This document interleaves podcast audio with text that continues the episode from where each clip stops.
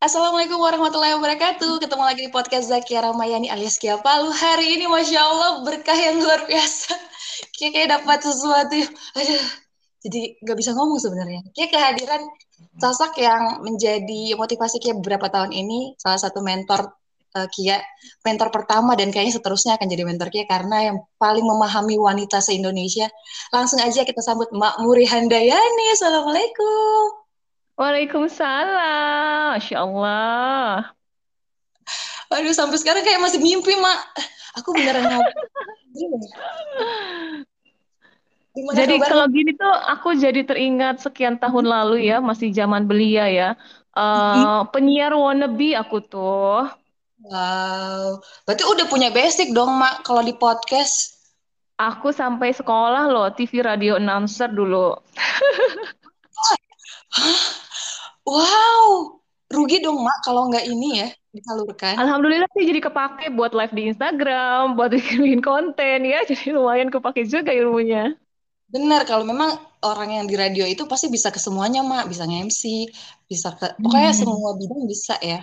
Oh pantasan lancar banget ngomongnya ya saat kasih motivasi. Ternyata basicnya announcer guys harus dimanfaatkan ilmunya ya. Sayang kalau nggak dipakaikan dan butuh diasah terus.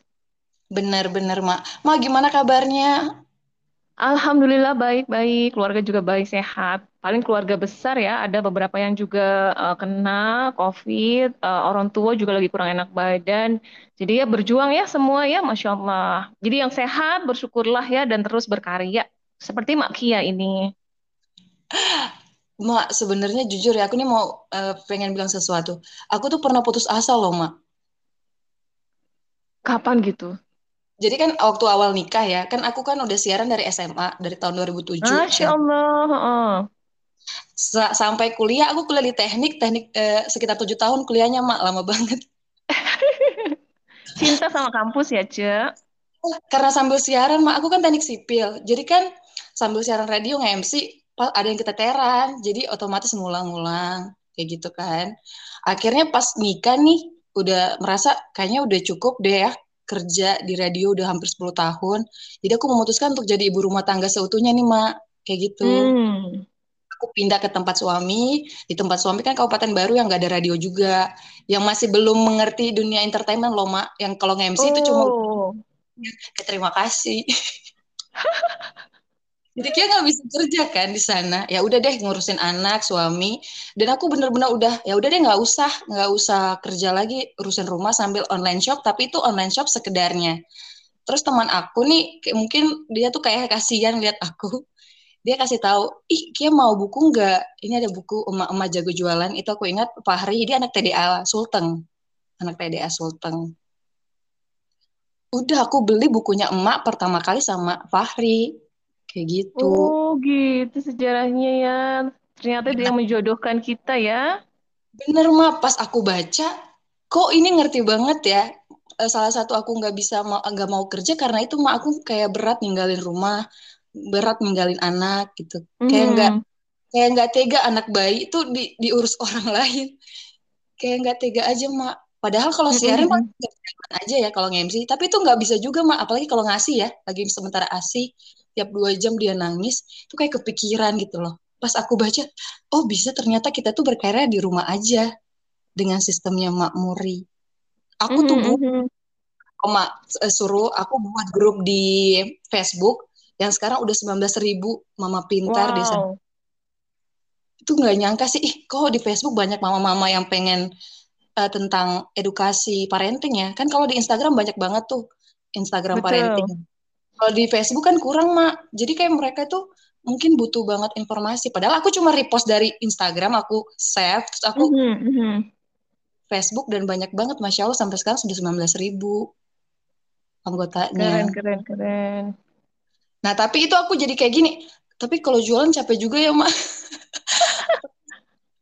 aku ikut caranya Mamur pakai ini. Pokoknya aku ikutin tuh semuanya sampai omsetnya hampir belasan juta, 15 juta, 16 juta ya. Itu untuk pertama kali. Kok bisa sampai besar gini ya? Sampai hampir 20 juta. Aku keteteran. Wow. Keteteran banget. Jadi anak itu makin rewel. Mm-hmm. Makanya aku nggak bisa dia di sini. Aku memutuskan ya udah aku nggak ini, aku muncullah di podcast karena teman aku bilang, Kia kayaknya ilmu kamu itu yang belasan tahun bisa dialirkan ke sini deh daripada kamu stres di rumah nggak ngapa-ngapain buat podcast aja.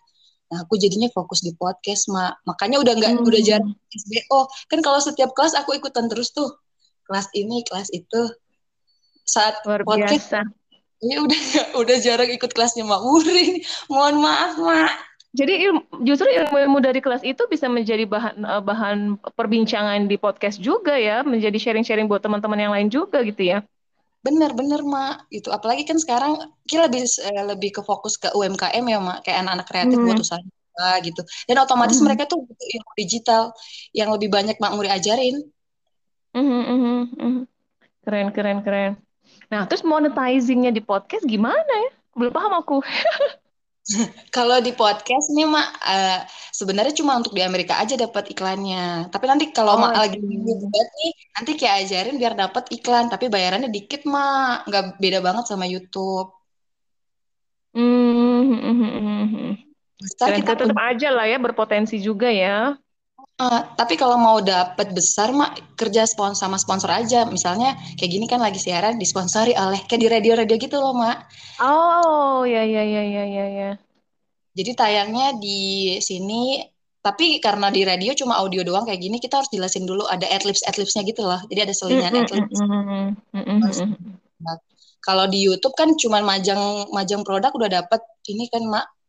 Yes dapet. betul kalau di sini kayak radio banget sih harus di announce dulu produknya. Mm -hmm. Mm -hmm. Tetap aja bisa dimonetizing ya pada akhirnya kreatif ya, betul keren.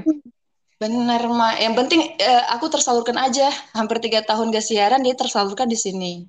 Lumayan lah ya, daripada tersalurkannya di rumah ya, nanti bilangnya bunda cerewet gitu ya. Yang penting tersalurkan dengan positif. Bener, suami aku kan orangnya pendiam, aduh ribut. Anak aku juga laki-laki yang kayak, aduh gak suka kalau denger cerita panjang. Mak, Mak Muri, ini paling kayak pengen uh, tanya nih kondisi sekarang ya, Mak. Kan Mak mewakili kita nih, para emak-emak. Mm -hmm. Kan aku ingat banget waktu Mak buat me, apa buku Move On kan? Buku Move On untuk menye, apa, menyambut tahun 2020 udah dapat kalender tuh Mak penyemangat dari Mak Muri kan tiba-tiba covid mak. Yang kita udah buat di jurnalnya emak ini kan? Aku kan dapat uh, uh. udah buat gini planning di di awal tahun 2020 udah di planning tuh segala macam pas covid mah langsung drop kita emak langsung kayak tapi memang itu mungkin sebuah tanda ya kita dapat buku move on dari Mak Muri plus jurnal plus kalender. Itu kayak menyemangati kami di saat covid mak. Ya ampun masya Allah iya bener kayak aduh ya Allah jangan nyerah apalagi dapat baca kalender itu lagi. Oke baca ayat lagi. Oke semangat lagi. Oh, Allah, Masya Allah. Ya begitu kehidupan ya, kita sudah bikin perencanaan-perencanaan, tapi tetap kalau kita tauhidnya sudah sampai uh, pada kepercayaan bahwa rencananya manusia itu uh, jauh tertinggal jika kita bandingkan dengan rencananya Allah ya. Apa pun yang terjadi sebenarnya itu yang terbaik sih sebenarnya. Hanya kalau kita bisa melihat dari sudut pandang uh, nerimo ya bahasanya orang Jawa tuh. Bener mak. Pasti ada hikmahnya ya mah ya. Walaupun awalnya kita Betul uh, awalnya aku gitu loh mak awalnya kan mau jualan kosmetik ya. Terus aku dapat uh, mau jualan yang dari Mak Muri kan dapat banyak ini kan. Ada baju hijab kan Mak Muri kasih pilihan hmm. ke kita yang bisa jualan banyak macam. Cuma di tempat Betul. aku kurang banget mak. Ya kayak aduh kok nggak nggak ada yang ini ya? Aku udah sudah posting. Kok nggak dapet ya? Akhirnya aku mulai ke podcast tuh mah karena aku pikir ya udah deh daripada aku stres. Terus teman aku bilang Kia kenapa nggak buat podcast? Terus tanyain kondisi teman-teman yang lain. Aku buat kayak gitu nothing tulus aja mak. Yang penting ya udah daripada aku stres di rumah gitu. Pelarian. Aku jualan juga makin stres karena nggak ada yang beli. Mm. jadi pelariannya ke podcast. Dan ternyata mah di tahun 2020 aku ikut lomba. Itu iseng-iseng aja di Kominfo Kementerian Kominfo. Dan dapat jadi 34 podcaster terbaik di Indonesia dari 6, wow. 605 iya dan langsung dapat aku mikir Masya Allah ternyata COVID ini ada berkahnya ke aku ya. Walaupun aku nggak jualan nggak laku ternyata podcast aku ya ini jalan aku ke podcast. Dapat penghargaan mm -hmm. dari info dan itu jadi buat aku oke okay, ternyata Allah memang kasih sesuatu nih. Pasti di setiap orang pasti punya sesuatu di corona ini ya. Walaupun betul, awalnya betul. kita disuruh mencari peluang yang lain. Dan Kia alhamdulillah dapatnya di situ. Dan Kia terima kasih sekali lagi buat Mak Muri yang selalu jadi penyemangat Kia. Dan penyemangat emak-emak luar biasa ya. Kalau kita kalau kita lihat eh, dibilang pandemi itu uh, menyusahkan, banyak orang yang jadi susah, percaya atau tidak, di sisi lain banyak orang yang semakin kaya di saat pandemi ini, banyak orang yang jadi kaya di saat pandemi ini, banyak orang yang masih kebanjiran order di saat ini, banyak orang yang uh, omsetnya naik berkali-kali lipat. Itu dan itu luar biasa dan itu adalah fakta ya uh, dengan aku sering dengar curhatan uh, para mak-mak nih ya, uh, yang dia adalah yang menangis-nangis gitu ya dengan kondisinya terpuruk segala macam. Tapi di sisi lain banyak juga yang sedang berpesta dalam artian penuh dengan rasa syukurnya bahwa omsetnya malah naik. Baru dua hari yang lalu dia tadinya omsetnya 100 jutaan, uh, kemudian begitu ikut uh, Muslimahpreneur yang sekarang lagi kami garap nih, omsetnya uh, uh, harusnya uh, satu bulan itu dia dapat 100 jutaan. Nah ini di bulan Juli ini baru dua minggu itu omsetnya sudah 300 jutaan. Masya Allah. Kan kita jadi mikir ya bahwa Allah itu beneran baik, Allah itu nggak pernah ngasih kita batas rezeki. Hanya masalahnya batasnya di mindset kita gitu. Batasnya di tauhidnya kita terhadap Allah. Allah Allah itu kan rezekinya banyak banget. Allah Allah aja kalau kalau aku gini kalau aku lagi down ya Allah aja bisa bikin gunung. Masa Allah mewujudkan aku pengen apa nggak bisa sih? Itu kan cuma setitik dari apa yang Allah bisa gitu ibaratnya ya. Habis lebaran kemarin tahu nggak? Ada teman aku itu beli mobil BMW 1,4 miliar cash Masya Allah. Itu adalah rewardnya bagi diri dia karena dia sudah berhasil menjalankan proyek-proyek bisnis fashionnya yang dia punya beberapa brand dan itu adalah reward bagi dirinya. Kebayang dong rewardnya aja senilai itu, Ce. Berarti berapa dong profit yang dia dapat? Dan itu hasil dari habis lebaran kemarin. Dan Masya. itu fakta. Aku nggak mungkin nyebutin nama brandnya ya, nanti kenapa aja kasihan. Ketahuan semua. Uh, uh, jadi jadi jadi uh, semakin kita melihat orang-orang yang bisa nggak hanya sekedar survive, tapi malah bertumbuh, malah makin keren, itu adalah orang-orang yang mampu beradaptasi dan melakukan inovasi yang relevan terhadap keadaan. Jadi ketika kita jika kita uh, melakukan inovasi ya, bukan hanya inovasi misalnya aku jualan apa ya, aku bikin apa yang baru gitu ya. Tapi kalau inovasi itu tidak relevan uh, dengan kondisi sekarang, tidak bisa beradaptasi dengan perubahan sekarang, ya nggak bisa gitu. Oke, berarti kemauan juga harus ada ikhtiarnya juga dong, Mak ya, ada usahanya. Betul banget, gitu. Kalau aku sih, kalau gini, kalau uh, ini lagi musim sepi, bagi aku nggak ada musim sepi, karena musim itu hanya musim musim mangga, musim duren, ya nggak? Musim hujan, nah itu musim. Tapi kalau rezeki, musim ada rezeki, musim nggak ada rezeki itu menurut saya nggak ada gitu. Allah itu pasti mencukupkan kan kalau dalam Al-Qur'an itu ada delapan pintu rezeki dalam Al-Qur'an.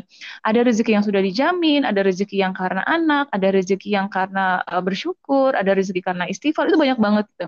Jadi artinya kalau kita bisa mengoptimalkan delapan-delapannya seru.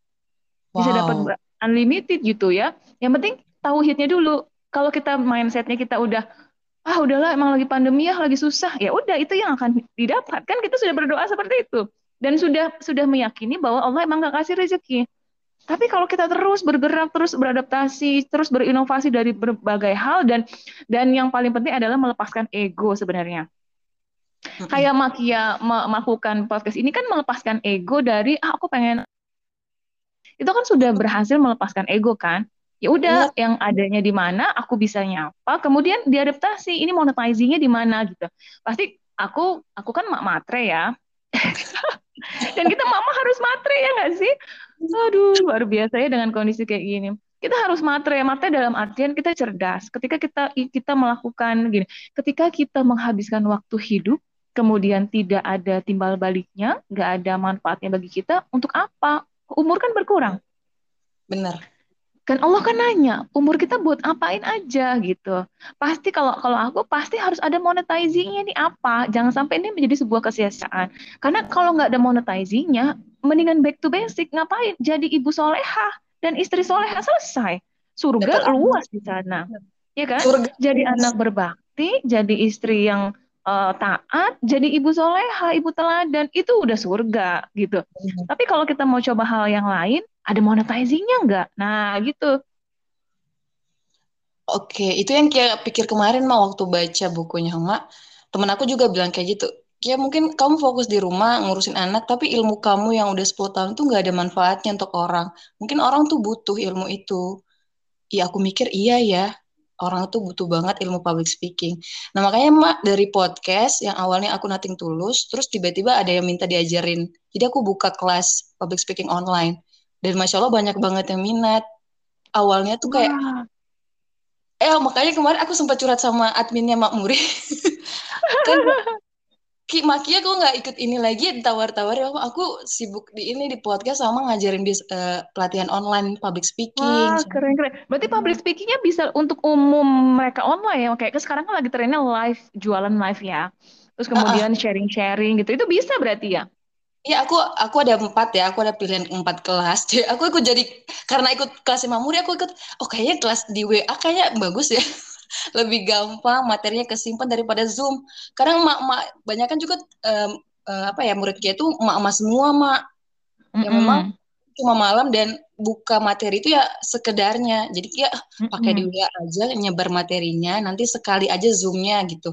Nah itu kayak banyak kan yang minta mak, ada yang PNS mungkin lagi disuruh kepala dinas yang untuk MC tiba-tiba dia nggak bisa gitu ya dia butuh skill MC atau marketing dia butuh untuk uh, jualan atau mungkin podcast yang pengen jadi podcaster atau uh, penyiar radio. Jadi kayak buat buat empat ada yang speaker untuk pembicara, ada public speakingnya untuk penyiar radio, ada podcaster sama MC mak ada empat itu.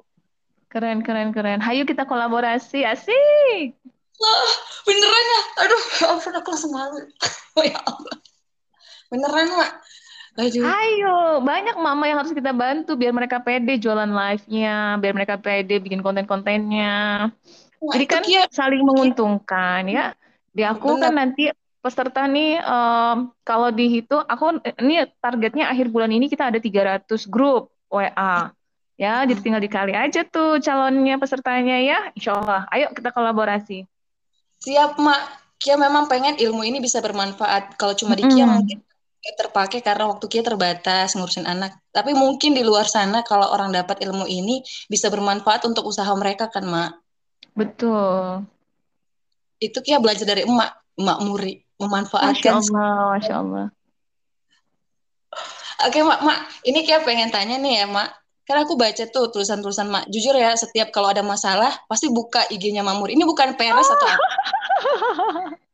Akan kayak si sehatnya dari situ. Karena biasa kan kalau di Al-Quran ada kayak ayat cuman aku butuh dari seorang wanita yang memang posisinya kayak aku mah kayak gitu kan. Mm-hmm. ya tiba-tiba buka wah Mamure lagi curhat lagi nih tentang uh, oke okay, segala macam kadang aku nangis loh mak oh ya aku harusnya kayak gini ya. Kenapa aku mikirnya iya, aku merinding loh Uh, uh, itu aku penasaran itu dari isi hati Mak Muri atau mungkin kumpulan dari cerita semua emak yang di Mak Muri tulis atau memang dari pengalaman Mak Muri sendiri nih?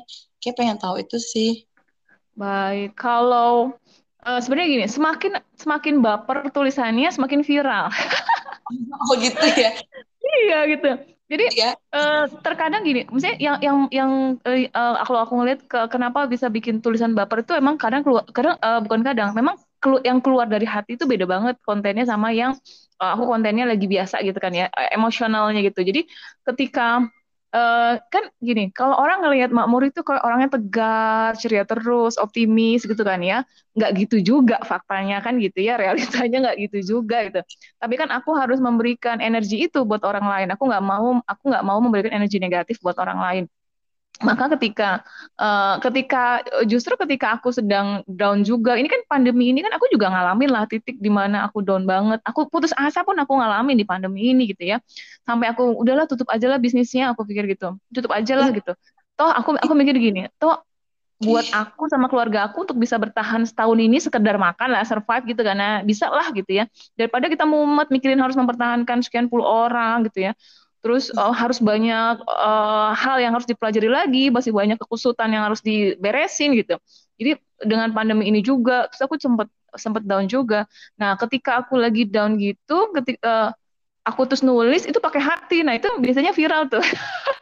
Okay. Karena memang seakan seakan aku sharing, seakan aku menasehati orang, padahal aku sedang menasehati diri sendiri, lagi curhat itu sebenarnya. Oke. Okay. Caranya menunjukkan untuk nggak nggak memperlihatkan bahwa uh, apa ya nggak nggak menyebarkan energi negatif. Kan karena kalau kita curhat juga iya ya kenapa sih pandemi ini? Nah itu kan energi negatif kan gitu ya. Jadi uh, gimana caranya mengolah itu untuk aku aku pun menuangkan isi hati aku aku curhat sebenarnya tapi ketika orang baca itu menjadi energi positif gitu. Jadi bukan kita ngegrundel tentang pandemi ngegrundel tentang pemerintah gitu. Nah, aku nggak mau gitu Oke, berarti itu sebuah cur curahan emak dan itu seperti kayak emak memberikan pesan untuk diri emak sendiri sebenarnya ya, memotivasi Betul. diri sendiri. Tapi mm. itu untuk orang lain juga yang mungkin punya yang punya uh, perasaan yang sama atau fase yang sama seperti Mak Murid. Itu kayak banget. Ternyata ternyata Mak Murid ngalamin ini ya. Aku pikir aku jujur pikirnya kayak Mak Murid selalu semangat gitu, semangat 45. pernah down saat covid yang ah dia sampai memutuskan untuk berhenti jualan aduh. Itu ternyata bukan cuma aku aja yang kayak gitu. Sampai itu aku gitu sampai aku mikir kenapa aku harus nyiapin makan buat anak aku hari ini? Gitu. Kenapa aku masih harus ini? Gitu. Sampai bener-bener hopeless banget tuh aku pernah ngalamin kayak gitu itu aku tapi alhamdulillah alhamdulillah rezeki ya uh, suami yang mendukung suami ketika kita down alhamdulillah Allah jaga hati suami untuk tetap tegar Allah jaga anak-anak tetap uh, ceria. Kan anak-anak mah mereka mah nggak ada beban pikiran ya gitu ya. Jadi uh, kembali lagi ya butuh hanya butuh waktu sebenarnya ya. Butuh waktu untuk penyembuhan butuh butuh waktu kita akhirnya kembali uh, kembali ke apa namanya ya hatinya bisa kembali ke Allah lagi. Kan kalau hopeless itu kan intinya kan lagi putus aja. Koneksi kita oh. sama Allah lagi putus sebenarnya. Benar-benar gitu. Atau jadi ketika lagi down tuh berdoanya minta ketenangan hati. Uh -uh. oke. Okay. Kayak, kayaknya katanya orang kalau kita lagi ada masalah mak mungkin Allah lagi rindu. Kayaknya lagi butuh kita lagi lebih banyak berdoa kayaknya mak. Memang kayak gitu ya mak? Hmm kadang kadang kayaknya kayaknya gitu kayaknya ya. Kita mikirin omset aja terus gitu ya. Kita mungkin ini terus ya. Tapi uh, uh, apa ya uh, koneksinya putus gitu ke Allahnya. Jadi ibaratnya apa yang kita dapat omset yang kita dapat seakan itu semua karena ikhtiar kita seakan gitu gitu. Karena karena gua pintar karena gua kerja keras gitu. Terkadang mungkin juga bukan karena itu gitu ya. Karena Allah kasihan aja sama kita gitu. Karena doanya anak-anak kita ya kan? Karena karena ini adalah rezekinya orang tua kita jadi orang tua yang berdoa cuma wasilah rezekinya lewat kita kan itu. Jadi apa yang kita dapat belum tentu juga karena uh, karena kita baca buku kemarin gitu kan ya. Itu kan hanya bagian dari proses proses sunatullahnya aja bisa jadi memang akhirnya dapat kan gini kan yang membolak-balikan hati konsumen itu kan Allah ya. Ya benar. Yang membolak-balikan hati, hati klien ya kan uh, konsumen kita terus uh, orang jadi mau kerja sama-sama kita itu kan Allah yang menggerakkan. Bisa jadi mereka itu tergerak Allah kirim itu karena doa-doa orang lain mungkin gitu. Karena emang rezekinya orang lain. Cuma wasilahnya ke kita. Nah, terkadang kitanya yang sombong gitu. Ngerasa kita pinter, ngerasa ini kita kerja keras gitu. Bener, Mak. Manusia banget. Astagfirullah. Gitu. Jadi memang intinya uh, kembalinya ke dasar ya, Mak ya. Kembali ke Allah. Ngapa-ngapain itu ya kalau mau dimudahkan ya perbaiki dulu dasarnya. Mak betul, yang yang ini yang kayak selalu ingat uh, tagline apa prinsipnya Mak Muri. Uh, keluarga terurus, tapi e, bisnis jalan terus ya. Gimana sih, Mak? Itu ya tagline-nya? Betul, betul. Keluarga keurus, bisnis jalan terus. Jujur itu mah memang sangat sulit, Mak. Apalagi betul. buat wanita. Itu kayaknya makanya kita tahu gimana sih tipsnya Mamuri walaupun Mamuri bilang kata sekarang masih proses juga. Iya, makanya itu kenapa aku uh, cantumkan karena itu bagian dari doa. Sesuatu yang kita repeat, repeat, repeat, repeat ya, itu kan akhirnya menjadi terwujud. Aku aku percayanya seperti itu. Kalau kita bilang kita bodoh, kita malas, kita gaptek, ya itu yang akan terjadi kan? Benar. Ya itu yang akan terjadi kan? Ah, enggak lah, aku mau orang miskin mah miskin aja. Nah, kan ada yang bilang gitu ya. udah mah aku mah begini itu kan yang terjadi apa yang kita ucapkan itulah yang akan apalagi repetisinya sangat tinggi sekali repetisinya makanya setiap konten itu aku tuliskan itu itu menjadi repetisi aku menjadi pengingat aku juga menjadi doa aku juga gitu. Untuk ini loh goal utama itu ini loh gitu. Jangan sampai melenceng gitu ibaratnya.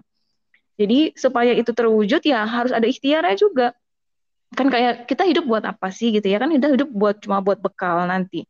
Nah yang bekal nanti yang diper, yang dipertanyakan apa? Sebenarnya kan sebenarnya kan Allah nggak nanya omset kita berapa nanti Allah nggak nanya. Benar ya kan? Allah nggak nanya itu. Allah cuma nanya apa yang Allah titipkan diurus gak gitu. Kan itu kan keluarga ya keluarga yang Allah titipkan gitu. Nah itu keurus nggak? Gitu. Makanya tagline itu adalah bagian dari uh, repetisi aku dan doa doa aku. Nah maka kitanya on the way ke sana. Ibaratnya gitu on the way ke sana Terus uh, memang tidak bisa kalau itu terwujud terwujud dalam artian uh, skala yang aku mau. Misalnya kita sekedar uh, omset ada ada orderan dua biji sehari, ya mungkin itu bisa terwujud kalau kita uh, uh, apa namanya sendirian lah ibaratnya gitu. Tapi dengan skala yang aku mau, nggak bisa aku sendirian. Makanya aku realistis. Oke, okay, untuk aku mau mencapai segini, berarti aku harus bagaimana? Berarti aku harus melakukan apa? Nah, serealistis mungkin bikin perencanaannya. Maka berarti akan tahu nih, oh oke, okay, berarti sehari aku harus ngapain aja. Mampu nggak aku ngerjain itu semua sendiri gitu ya? Nggak bisa. Ya udah, berarti realistisnya seperti apa? Nah, alhamdulillah uh, suami mendukung kalau aku rekrut karyawan, rekrut tim. Tapi dengan catatan, uh, kamu boleh rekrut karyawan tapi nggak boleh rekrut pengasuh kata suami itu gitu sehingga uh, anak ya tetap sama kita pengasuhan tetap sama di kita gitu, bukan sama orang lain. Karena kan itu yang Allah bertanggung jawab, eh, minta tanggung jawab ya. Tapi kalau urusan-urusan lain sampai hal hal besar, hal detail apa pun itu apa pun yang bisa kita delegasikan, delegasikan ke orang lain. Gitu. Ibaratnya kita tuh kayak beli waktu, mah kan masalahnya kan kita, aduh Mamuri aku nggak punya waktu gini, ya udah beli waktu. Gitu. Ini yang menjadi salah satu yang Kia suka banget karena memang prinsipnya Mamuri itu prinsip aku juga gitu anak itu nggak mau di bukan apa ya bukan dibang mak mak protektif. Enggak sih karena memang takutnya itu. Karena aku kan mak uh, ibu aku tuh meninggal saat aku masih SD ya. Hmm. kalau tiba-tiba aku ini uh, meninggal suatu saat nanti ya anak aku masih kecil apa yang ditanya nanti? Pasti anak dulu yang ditanya kan karena untuk nafkah kan, hmm. kan itu yang jadi kewajiban utama. Makanya pikir aduh kalau anak aku nanti tumbuh jadi anak yang gak baik ya yang melakukan kesalahan itu pasti emaknya yang tanggung jawab duluan tuh. Apa yang dikasih makan apa yang diajar apa yang aduh segala macam makanya uh, Kia lalu memutuskan nggak mau kerja sama sekali tiga tahun tuh. Hampir tiga tahun nggak ngapa-ngapain sama sekali cuma fokus di anak. Tapi ujung-ujungnya aku sama stres berat. Walaupun baca buku parenting udah ini sempat kayak depresi yang ternyata kita butuh me time nih. Kita butuh jadi aku yang sebenarnya dulu di membutuhkan waktu untuk bisa ya melakukan sesuatu yang bermanfaat. Jadi kayak rasa kayak jualan itu atau podcast itu sebagai me time aku mak menjadi aku Zakia Ramayani bukan seorang ibu bukan seorang istri. Bener nggak sih mak nggak apa-apa kayak gitu ya? Kalau menurut aku justru aku melihat 10 tahun aku serius di bisnis tuh ini sekolah aku gitu. Bisnis itu adalah sekolah aku. Kalau kalau gini, mungkin kalau aku nggak berbisnis, aku bukan tipe orang yang uh, senang belajar. Kalau aku hmm. nggak berbisnis, mungkin aku nggak akan rajin baca buku gitu. Aku tidak akan menjadi makmur yang sekarang yang percaya diri untuk ngomong di depan orang, yang percaya diri saat live, terus yang percaya diri untuk uh, sharing-sharing, berbagi. Or, aku orang yang nggak peduli dengan orang lain dalam artian makan gue cukup hari ini gitu. Urusan makan lo ya itu urusan lo gitu ya. Mungkin kalau aku tidak terjun ke bisnis, aku tidak akan menjadi aku yang sekarang. Nah, menjadi aku yang sekarang ini adalah sekolah kehidupan aku di mana kita sebagai ibu adalah tauladan bagi anak-anak. Jadi apa yang mereka lihat, apakah ibunya nonton Ikatan Cinta atau ibunya pegang buku kan gitu ya? Kan iya, mereka mencontoh apa yang mereka lihat ya. Makanya aku kalau aku nggak berbis nggak sibuk berbisnis, mungkin aku sibuk hal yang lain dong, pasti dong. Kan kita kan mau mengisi waktu kan. Benar. Aku nggak kebayang kalau aku nggak bisnis, mungkin aku mama yang kayak gimana gitu ya yang menjadi yang mereka lihat gitu. Jadi sebenarnya uh, bukan goal utamanya walaupun kita pengen lah ya sukses dunia itu manusiawi gitu ya pengen sukses dunia yang penggunaan suksesnya itu kita gunakan untuk apa itu pun menjadi tauladan juga buat anak-anak gitu. Anak-anak melihat melihat uh, orang tuanya berjibaku, tidak menyerah, bahwa dan nggak putus asa terhadap rahmatnya Allah. Kemudian penggunaan dari hasil bisnisnya untuk apa pun kan mereka mencontoh. Benar, benar. Gitu. Jadi uh, ini menjadi sebuah uh, keuntungan juga bagi kita sebenarnya selain dari segi profitnya, yang mana itu adalah nilai tentu itu adalah nilai rapot dari kesuksesan bisnis kita ya. Tapi keuntungan yang uh, ter apa namanya ya efek samping positifnya adalah tadi bahwa kita menjadi contoh yang baik buat anak-anak. Kita cerewetin anak uh, apa uh, baca buku baca buku gitu kan ya. Eh emaknya nonton sinetron mulu sama mainan TikTok misalnya gitu ya. Ya nggak akan bisa doang terwujud ya. Bener. misalnya bener. gitu. Oh ya ini menjadi salah anak itu kan prosesnya belajarnya melihat ya mak melihat sosok Betul. dan dari awal dia lihat dia tuh sampai nggak sadar kalau dia udah kebentuk karakternya dari melihat orang tuanya seperti apa. Mm-hmm. Oke, okay, itu memberikan contoh yang insya Allah yang pelan-pelan itu bisa menjadi sebuah tabungan masa depan untuk anak biar mereka jadi pekerja keras juga, nggak mudah menyerah betul. juga betul, dan bisa meluangkan waktu dengan hal-hal yang bermanfaat gitu ya mak ya. Betul banget. Mak, juga, kayak, kayak, ada juga yang kayak gini, Ten, yang aku cerita sedikit ya. Ada mama yang, aduh Teh, kenapa ya aku udah umur segini, aku nggak sukses. Atau misalnya, aku terlambat nggak ya jalanin bisnis, gitu. Terus aku bilang gini, sebenarnya kita tuh tidak ada kata terlambat. Kembali lagi ke prinsip tadi mengenai anak. It's okay kita nggak sukses sekarang, tapi tuh anak melihat kinerja kita, anak melihat kerja keras kita, nanti yang sukses anak kita gitu. Tapi si anak masa depannya bisa sukses atau enggak itu tergantung gimana dia dari masa kecilnya kan mempelajari di lingkungan sekitarnya. Kalau aku melihat uh, pencapaian aku sekarang dengan pencapaian orang tua aku jauh banget gitu kan, ibaratnya jauh banget. Tapi kan aku lihat lagi, loh kesuksesan aku sekarang ini, ini adalah buah dari kesuksesan orang tua aku. Kalau dulu orang tua aku nggak mengajarkan kerja keras, nggak mengajarkan sabar, nggak mengajarkan kreativitas gitu kan, nggak mengajarkan cerdas memanfaatkan waktu, kemudian uh, pengorbanan, kemudian adil bagi peran antara uh, rumah tangga sama bisnisnya, mungkin aku nggak akan menjadi seperti sekarang, gitu. Jadi kesuksesannya diteruskan, gitu. Jadi itu itu yang yang yang akhirnya aku mulai sadari dan aku pegang. Jadi it's okay sekarang misalnya kita baru di uh, tahapannya misalnya di angka 4. Nanti anak kita yang akan men walaupun gini, meneruskan itu bukan berarti di bisnis yang sama ya tapi meneruskan uh, apa namanya mener, meneruskan perjuangan bisnisnya anak kita nanti bisa jadi di angka 7 di angka 9 gitu atau bahkan lebih gitu Benar-benar, iya benar banget sih, Ma. Mungkin yang kita lihat dari nenek aku ya, yang cuma penjual eh, kue kue di rumah ya, jualan nasi kuning, kue. Tapi anaknya itu e, bisa disekolahkan kan fokusnya orang tua, yang penting anaknya dapat pendidikan yang bagus. Betul. Dan tes semua gitu ya dan dia juga bangga lihat cucu-cucunya yang makin kreatif dengan dengan dengan zamannya sendiri ya walaupun Betul. satu cucunya lulusan teknik sipil jadinya ke podcaster gitu ya punya jalan yang masing-masing. Dan itu kan kalau sekarang kalau sekarang Mak Kia memanfaatkan uh, aplikasi ini sebagai podcasternya, nanti kan anaknya Mak Kia kan pembuat softwarenya. Wah, ya kan? Nanti dia seperti seperti para lulusan Silicon Valley itu kan. Tapi kan dia melihat emaknya dulu sekarang. Bener-bener.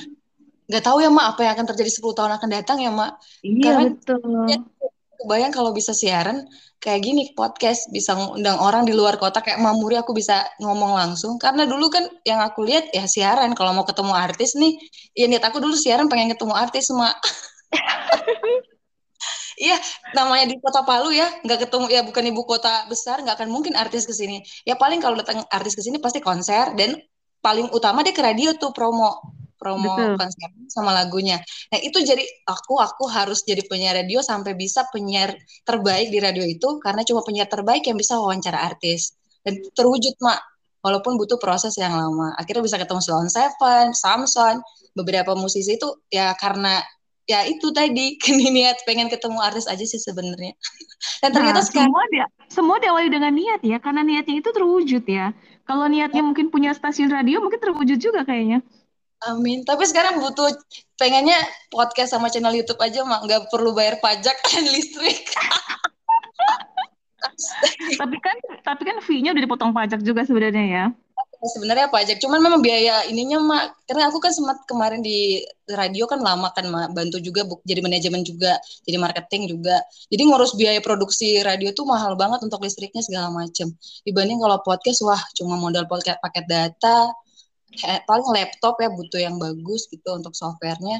Dibanding produksi. Ya memang sekarang radio kan lagi down banget kan mak? Apalagi di sekarang. Makanya radio pun harus punya podcast juga untuk atau punya YouTube juga untuk bisa apa ya? bisa membantu membayar biaya operasional yang luar biasa Mereka juga harus adaptasi ya, seperti TV-TV yang juga udah pada mulai down juga ya, ditinggalin juga TV-nya kalau sama YouTube kan. Benar, jadi otomatis uh, program mereka otomatis harus masuk di YouTube kan, Mak? Karena nggak ada yang nonton di TV. Banyak kan sekarang. Ternyata, dan kita nggak tahu kan ya mak apa yang akan terjadi 10 tahun akan datang. Kita cuma nunggu iya, Mak Muri ini. Mak Muri rilis apa lagi dan itu akan kita pelajari. Sekarang aku fokusnya lagi gedein komunitas. Kan coba aku coba uh, gedein komunitas karena semakin besar masanya, semakin cepat informasi uh, tersampaikan. Jadi apa pun yang mau disampaikan itu uh, oh, sekarang arahnya tuh kalau bahasanya Pak Subiakto tuh evangelis ya. Jadi kita harus punya fans berat lah ibaratnya kayak gitu. Fans berat dalam artian uh, tadi ya uh, komunitas-komunitas. Karena gini, kenapa aku nggak bangun komunitas? Nah ini kembali lagi ke ke, ke Muri yang 10 tahun yang lalu. Aslinya aku tuh pemalu, Mak. Oh. Aku tuh pemalu, aku tuh Cooper ya. You know Cooper ya waktu zaman dulu ya, kurang pergaulan ya aku tuh orangnya minderan ya aku tuh orangnya tidak suka berkenal dengan orang baru. Itu aslinya aku. Jadi um, kenapa aku bikin komunitas? Karena aku bukan orang yang bisa gabung ke komunitas orang lain. Okay. karena aku malu. Kebayang nggak? Beradaptasi gitu ya mak ya? Uh, uh, aku tipe kayak gitu. Malu kan sebenarnya orangnya aslinya.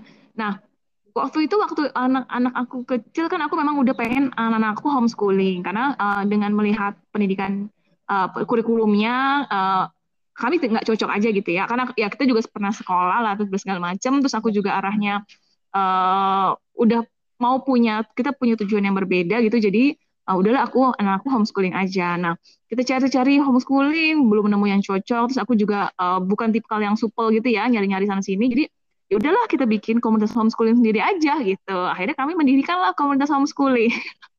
Wow, udah homeschooling gitu. Jadi sekarang apa-apa uh, kalau memang aku mau mau apa gitu kan ya udah aku bikin aja komunitas gitu. Tinggal cari orang yang mau join gitu sehingga kepercayaan diri aku lebih besar ketika itu komunitas aku lu mau join. Nah, kan tapi kan bukan bukan posisinya bukan aku sebagai orang baru tapi mereka yang join gitu. Nah, sekarang ini makanya kami lagi uh, targetin Juli ini kita ada 300 grup WA. Nah, itu bagian dari komunitasnya. Gitu. Jadi jadi melihat kelemahan kita, kita ubah menjadi sebuah kekuatan. Dan setiap orang itu pasti punya insecure-nya, punya ketakutannya, punya ketidaknyamanannya, punya dia merasa itu kelemahannya dia gitu. Kan kayak kita ibu rumah tangga nih kita punya batasan ruang gerak kita nggak bisa sering keluar rumah kita ini tapi oke okay, itu itu batasan saya yuk kita ubah batasannya menjadi sebuah kekuatan dan akhirnya dahsyat banget kan eh, bisnis dari rumah gitu. Jadi jangan menyerah dengan kelemahan kita, justru kelemahan kita itu kita lihat dan kita ubah menjadi sebuah potensi yang bagus gitu. Benar, benar banget sih Mak. Kayak, ya kayak lihat dari diri Kia yang dulu kayaknya nggak bisa siaran karena harus pergi keluar kota, ke tempat suami, ya pasti cuma di rumah aja. Dan ternyata nggak ditahu teknologi sekarang makin canggih, kita bisa uh, buat podcast dengan aplikasi, bisa zooman juga, ngobrol, bisa buat konten YouTube juga, bisa jualan online juga, dan banyak banget yang bisa dilakukan di rumah sambil jaga anak. Dan terbukti di tahun ini omsetnya mama di rumah mengalahkan perusahaan-perusahaan besar yang lainnya ya. Banyak iya, perusahaan besar. Itu kita baca kan, hah ini ternyata perusahaan besar dikalahkan emak-emak dasteran di rumah. Salah satu karena mamur ini kayaknya ya efek-efek itulah ya, efek bola salju ya makin uh, merambat gitu kan ya juga ya. Jadinya makin besar, makin besar, makin besar. Tapi memang harus ada penggeraknya. Ya, harus harus ada orang yang menyuarakan, harus ada orang yang menggerakkan gitu. Apalagi kan the power of mama itu kan ketika udah ada penggeraknya, oh solid gitu lah ibaratnya ya. Mama tuh lebih komitmennya tinggi banget dibanding komitmen tinggi itu karena mungkin kesungguhan ya. Sometimes ibu-ibu tuh ngerasa nggak uh, ada jalan mundur, harus maju terus. Nah, itu tuh kekuatan mereka tuh. Bener. Dan paling kekuatan emak-emak itu sabar, Mak. Sabar yang luar biasa. Ketelatenannya kayaknya memang sudah naluri ibu-ibu untuk telaten ngurus anak ya. Jadi dalam hal yang lain, kegigihannya kali ya, tidak mudah menyerahnya, kegigihannya. Terus punya energinya banyak. Energi dalam artian, oh gue ngeliat anak, masa sih anak gue nggak gini? Terus sekolah anak gue gimana? Nah gitu ya, mungkin itu yang menjadi energinya juga gitu. Walaupun bapak-bapak juga mikirin itu sih gitu. Tapi karena kasih sayangnya itu kayaknya ya, uh, kasih sayangnya yang itu luar biasa bagi anak-anak dan keluarganya akhirnya itu menjadi sebuah energi untuk nggak nggak mudah menyerah Bener, Mak. Biasanya kan kadang badan ini udah remuk, Mak. Gitu kan. Baru bangun pagi kayaknya udah nggak bisa nih untuk melakukan aktivitas. Saat lihat anak kelaparan, ya otomatis kita bangun tuh, Mak, masak ya gitu. Betul. Kayak tiba-tiba aura aja, entah kekuatan dari mana yang muncul. Bisa masak, bisa nyuci, bisa ngurusin semuanya. Padahal lagi sakit, Mak. That's the power of love bener oh, karena cinta bener the power of love Oke, okay, buat emak-emak seluruh Indonesia mungkin lagi dengerin Kia dengan Mak Muri yang merasa sekarang, aduh kayak nggak bisa deh, atau mungkin merasa kayak Kia yang dulu, kayaknya di rumah aja, nggak bisa ngapa-ngapain karena ngurusin anak. Ternyata enggak, sekarang udah banyak sekali alternatif lain. Dan teman-teman bisa dapetin semua sebenarnya kalau ikut SBO sebenarnya. Atau ikutan komunitas muslimnya Mak Muri. Betul. Mak, Mak di komunitas itu. Gimana gimana? Uh, kan kali tadi kan buat komunitas kan, komunitas muslimah. Betul. Apakah masih bisa gabung dan syarat gabungnya kayak gimana, Mak? Baik, jadi uh, untuk komunitasnya uh, komunitas utamanya adalah komunitas bisnis muslimah. Kenapa aku ambilnya di bisnis? Ya karena mungkin kalau komunitas yang lain-lain udah banyak gitu kan ya, udah banyak penggeraknya. Nah ini aku mau menggerakkan komunitas bisnis uh, muslimah. Kenapa aku pilihnya muslimah, nggak juga yang umum gitu ya? Karena kembali lagi uh, yang sharing mengenai ke uh, ibu rumah tangga, karena karena cara belajar laki-laki uh, dan perempuan itu juga beda ya beban Betul. hidupnya mama dengan bapak-bapak tuh beda beban hidupnya gitu. Jadi aku mau membantu yang memang senasib sama aku gitu ya, seperjuangan sehingga mereka benar-benar bisa uh, kita se itu ya apa namanya hal-hal detailnya gini. Mungkin kalau bapak-bapak mereka bisa menggunakan jurus strategi marketing yang bla bla bla, tapi bagi mama itu nggak nggak nggak sangat sulit untuk diaplikasikan gitu. Jadi makanya uh, di kami itu kami fokus di muslimah sehingga uh, ini spesifik nih uh, proses belajarnya emang bisa sangat bisa mudah untuk dipelajari dan dipahami. Nah, akhirnya niche market itulah yang aku ambil dari dulu sampai sekarang. Komunitasnya namanya komunitas bisnis muslimah. Nah, komunitas bisnis muslimah ini terbagi menjadi tiga. Okay. Yang pertama, komunitas produsen muslimah, komunitas distributor muslimah, dengan komunitas pasar muslimah. Bedanya apa? Misalnya, kalau komunitas produsen muslimah itu itu khusus mereka-mereka yang uh, sebagai uh, uh, produk brand owner ya, atau misalnya mereka yang uh, bisnis makanan yang dia masak sendiri, kemudian ada timnya, kemudian bisnis fashion, kemudian uh, ada bisnis skincare juga, ada bisnis, pokoknya yang dia jatuhnya sebagai produsen. Kenapa dipisah? Karena pasti keilmuan, kemudian pembahasan materinya akan jauh berbeda. Yang satu kita akan banyak mengenai uh, branding produknya seperti apa, kemudian uh, penghitungan harga produknya kan gitu ya, kemudian ya. positioning segala macam. Pokoknya berkaitan dengan menciptakan uh, produknya. Kemudian nanti bagaimana cara uh, membangun sistem distribusinya, ngebangun tim produksinya, efisiensi harga dan sebagainya supaya kita kita bisa tetap menjuarai uh, pasar di negara kita sendiri gitu. Kan sekarang mah kita kan diserbu sama produk luar ya. Makanya ya, aku pengen uh, uh, produsen muslimah ini uh, menjadi sesuatu pergerakan di mana kita berjuang untuk sama-sama uh, memenangkan produk Indonesia uh, dibanding produk-produk luar negeri kayak itu. Nah, oh, kemudian ada uh, distributor uh, muslimah.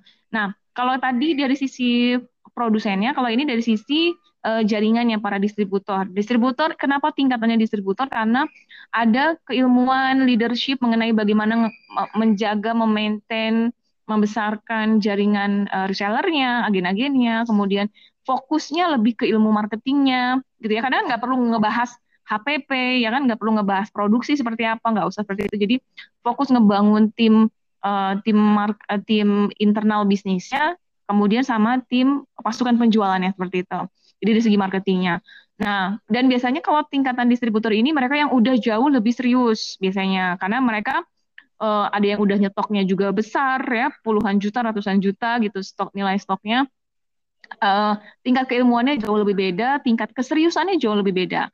Nah, yang ketiga adalah komunitas pasar muslimah. Di sini komunitas pasar muslimah ini targetnya buat mereka yang baru-baru mulai belajar. Mereka yang reseller, mereka yang marketer gitu. Nah, di sini keilmuan di sini banyak uh, motivasi dulu nih. Uh, mereka yang baru nyemplung bisnis online, aduh Mamuri aku mau bisnis online uh, harus gimana ya? Nah, gitu kan ya. Karena ya, kalau dia dicemplungin gabung sama produsen, kasihan dianya nggak nyampe, belum sampai sana nanti nggak nggak banyak yang nggak paham ya kan.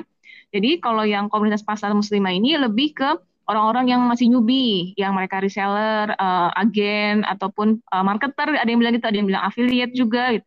Nah di sinilah uh, mereka belajar nanti ilmuwan mereka bertambah, kapasitas kapasitas dirinya bertambah, mereka uh, bisa nanti gabung di jadi distributor ataupun nanti pada akhirnya di distributor udah punya jaringan besar mau punya brand sendiri, hayu kita support mereka untuk punya brand sendiri. Seperti itu. Wow, masya Allah ya. Jadi Dan ini gratis untuk joinnya. Gratis. Gratis. gratis dan masih bisa ter, masih bisa daftar kan, Mak? Masih bisa daftar. Insya Allah nanti kami launching hari launch, launch, launching grand launching ya. Karena kemarin sebenarnya kayak grup pasar muslimah kita udah ada 61 grup, tinggal sisa 4, 39 grup lagi yang available-nya Uh, tapi nanti kita akan launching yang benerannya, grand launching itu di Senin insya Allah. Senin ini, Mak? Iya. Wow, tepat banget ya aku ngajak Mak Muri podcast.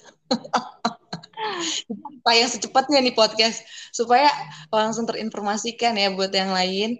Nah, Mak Muri, memang mungkin dari karena pengalaman ya, Mak, memang benar nggak bisa digabung. Kayak juga dulu kayak gitu, ikut uh, pertama ikut sebelum Mamuri ya, kayak ikut beberapa komunitas atau mentor-mentor yang lain. Pertama laki-laki yang mentor, aduh aku nggak nggak bisa ya, nggak bisa melakukan apa yang yang yang dia lakukan karena memang aku perempuan. Saat lihat Mamuri, nah ini nih aku dapat wah ini ini mengerti banget nih ribetnya ngurus anak. Jadi aku ikut banget jadwalnya bangun subuh tuh jam 3. Cuma Masya bisa Allah. Nah, aku ikut banget jadwalnya tuh karena waktu aku cuma bisanya subuh sampai jam 3 itu ngedit video segala macam sampai jam 6 setelah itu kan anak bangun udah tuh tamat riwayat kita ya. Iya sudah uh, handphone laptop berebutan kan. Kita Megang, kita kita megang handphone dibilangnya bunda kok mainan handphone terus. Yang terjadi tadi mak lagi tarik tarikan handphone tadi waktu WA sama mak Muri. terus mereka komplain kok bunda main HP kenapa aku nggak boleh. Nah kan Benar, itu juga jadi aduh kita ngajarin anak tapi kita nyelet handphone gimana ya. Waduh, jadi PR. Makanya waktu itu pas baca bukunya Mamuri, ini memang pertanyaan-pertanyaan dari dulu aku tanyakan gak bisa dijawab, ternyata semua terjawab sama Mamuri karena memang emak-emak yang bisa mengerti emak-emak. Ya, betul itu dia. Dan ternyata sekarang Mamuri mengembangkan lagi membuka tiga uh, apa ya tiga tadi dari komunitas tadi ya memang nggak hmm. bisa produsen ya memang kita nggak bisa semuanya ya mak ya jadi produsen jadi distributor jadi reseller juga. Marketing aja urus marketing aja udah pusing mak branding segala macam aduh ditambah lagi ini nyetok segala macam puyeng mak puyeng. Apalagi ngurus Betul. anak makin puyeng. Sebenarnya sebenarnya sebenarnya kenapa kita puyeng? Sebenarnya kita memang sudah keluar dari fitrahnya sebenarnya. Kan fitrahnya kita nggak mencari nafkah ya benar nggak sih? Gitu.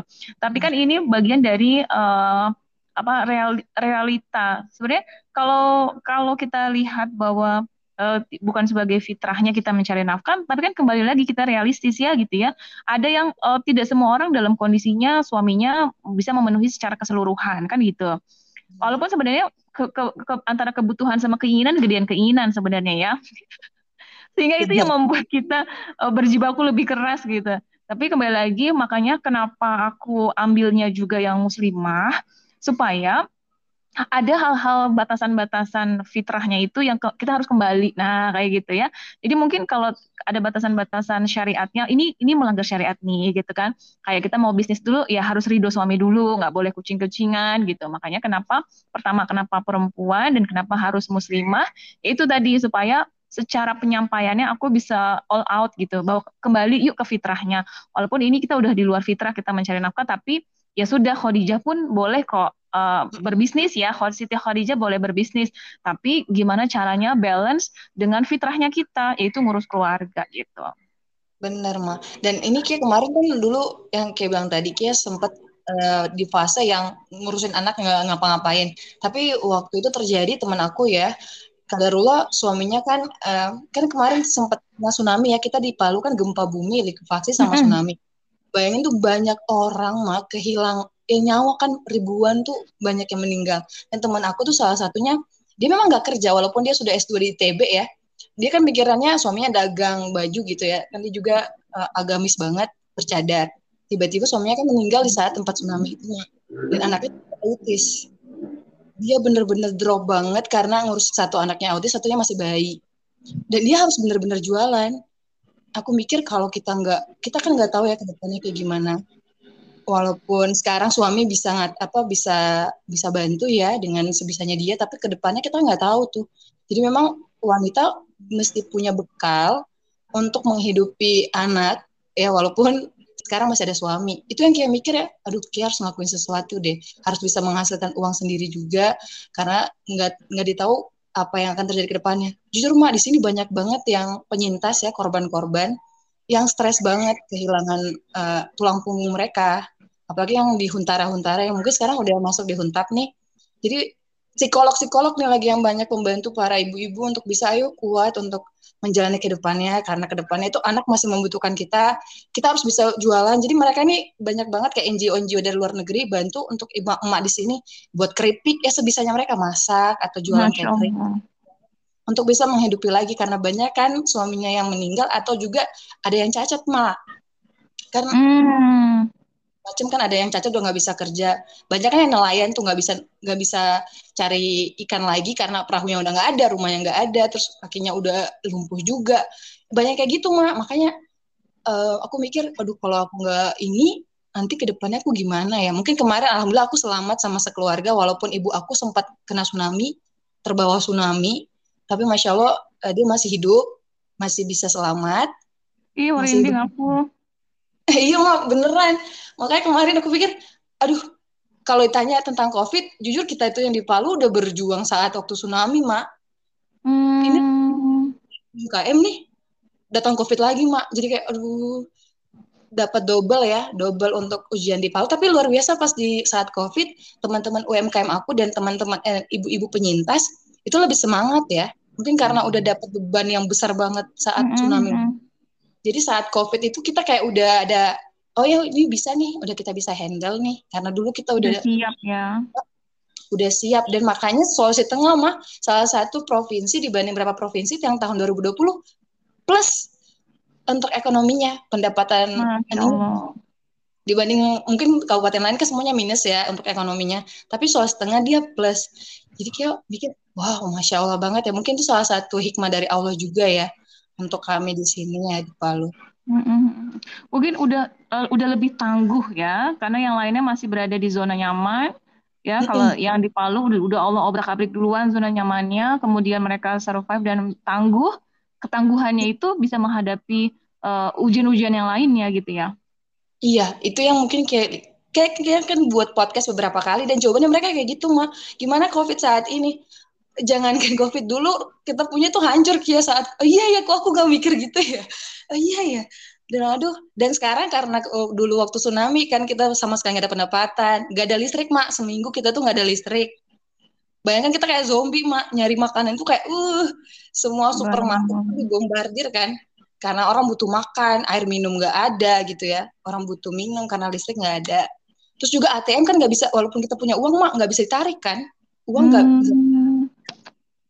pokoknya dulu tuh ya kacau banget. Jadi pas saat covid pemerintah juga handle banget. Semua stok udah disiapin jadi masyarakat juga udah tenang nggak ribet kayak dulu. Terus semua UMKM saling membantu mak. Jadi kayak sangat terharu waktu kayak wawancara teman aku yang fotografer ya dia fotografer termahal di sini yang range-nya itu 20 juta sampai 30 juta. Makanya dia mahal banget. Terus aku tanya saat uh, COVID dia malah bantu karena dia tahu waktu dulu saat tsunami itu studionya hancur.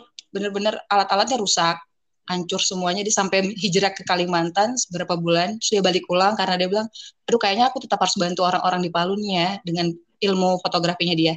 Nah saat itu pas balik dia covid lagi kan mak saat covid dia pikir ya udah aku bantu UMKM aja aku buat foto produk jadi lima ratus ribu mak jadi dia bantu semua UMKM bantu foto karena yang awalnya tadi offline harus jualan online kan mak jadi dia bantu mm -hmm. semua jadi saling bantu tuh wah kerja sama UMKM di Palu itu jadi luar biasa saat COVID. Mereka saling bantu UMK. Pokoknya gimana cara kita bisa hidup bareng nih, bisa survive bareng. Karena udah pernah ngerasain saat tsunami lalu kayak gitu. Jadi aku mikir, wow. Dan itu salah satu podcast kia yang dapat juara mah kemarin di Kominfo. Karena membahas itu. Jadi kia juga dapat, wah ternyata dapat berkahnya luar biasa kami ya. Kami sangat diapresiasi. Allah mungkin sayang banget sama kami gitu ya. Dapat hadiahnya pas sekarang.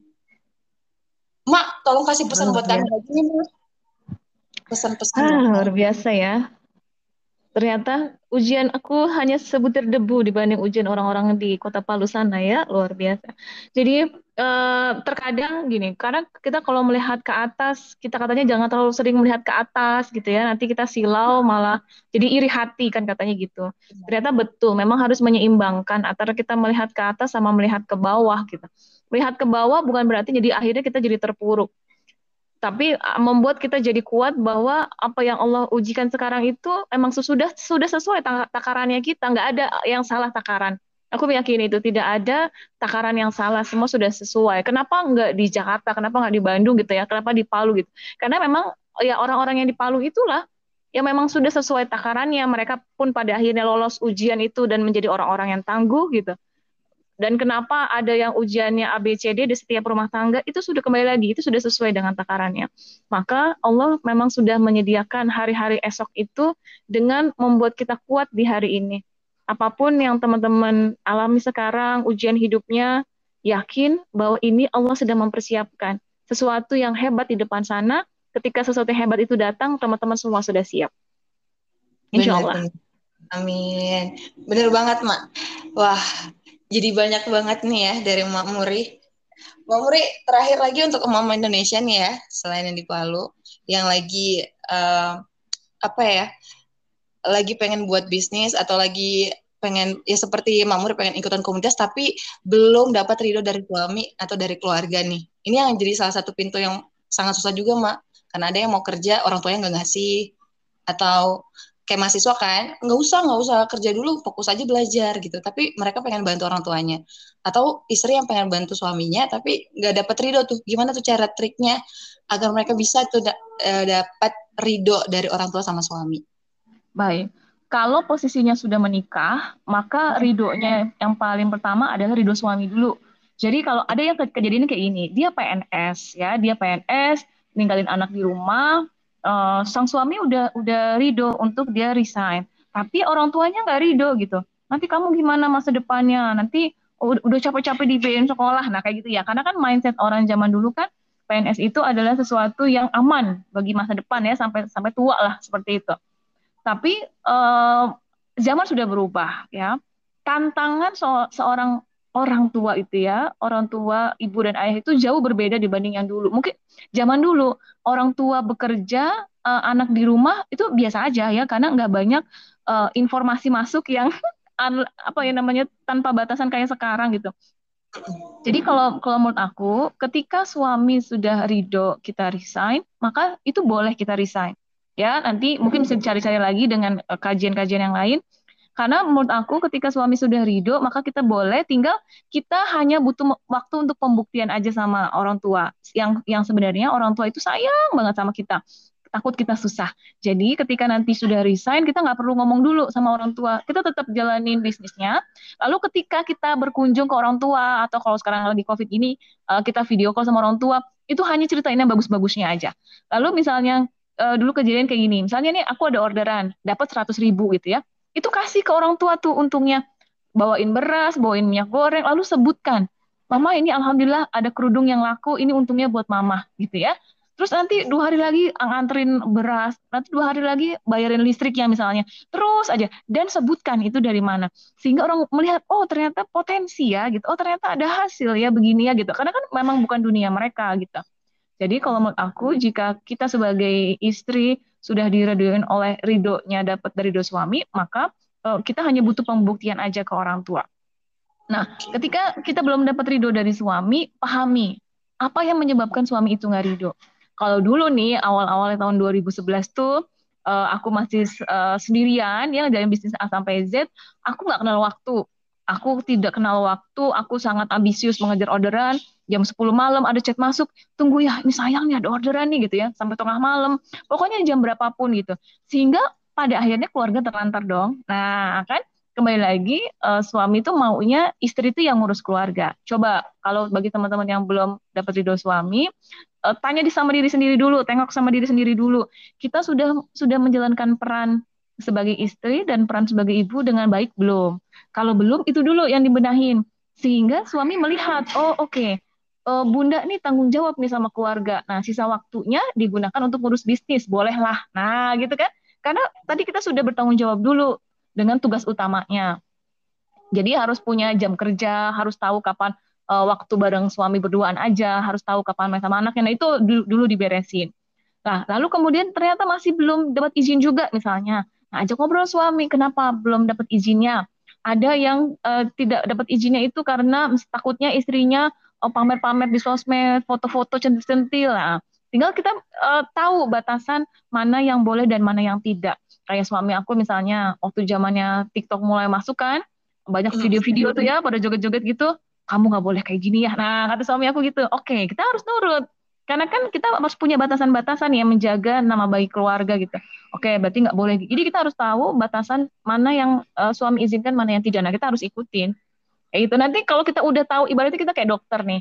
Ada masalah, ada penyakit, kita harus tahu dulu ini sakitnya apa, baru kita kasih uh, obatnya kan. Nah, kenapa kita tidak mendapatkan ridho suami? Itu tanya dulu, cari tahu dulu. Maka kita harus selesaikan dulu masalahnya sehingga ridho didapat, insya Allah. Oke, terima kasih banyak Mak Muri udah sharing banyak hal. Eh, ini random banget kayak tanya ya, pasti bingung Mak Muri. Semua dibahas, nggak terasa udah sejam Mak. Thank you banget, terima kasih banyak untuk waktunya. Semoga nanti uh, ada waktu lagi Mak Muri masih bisa gabung lagi untuk sharing dengan kita semua di sini di podcast Kia Palu. Sekali terima kasih banyak Mak Muri, semoga selalu sehat sekeluarga. Amin, amin, amin. Oke, masih tunggu nih. Katanya akan ada sesuatu yang baru nih. yang akan, apakah buru, buku baru atau apa nih? Yang Akhir bulan ya. Ya, nanti tunggu aja launchingnya beberapa hari lagi. Siap, siap. Terima kasih banyak, Mas. Sehat sekeluarga. Kia pamit ya. Makia juga dan semua yang mendengarkan ini, Allah berkahi hidupnya, bahagia, dan diberikan ketenangan hati. Tetap bahagia ya. Amin amin ya robbal alamin. Sekali terima kasih. Wassalamualaikum warahmatullahi wabarakatuh, Mak. Waalaikumsalam warahmatullahi wabarakatuh.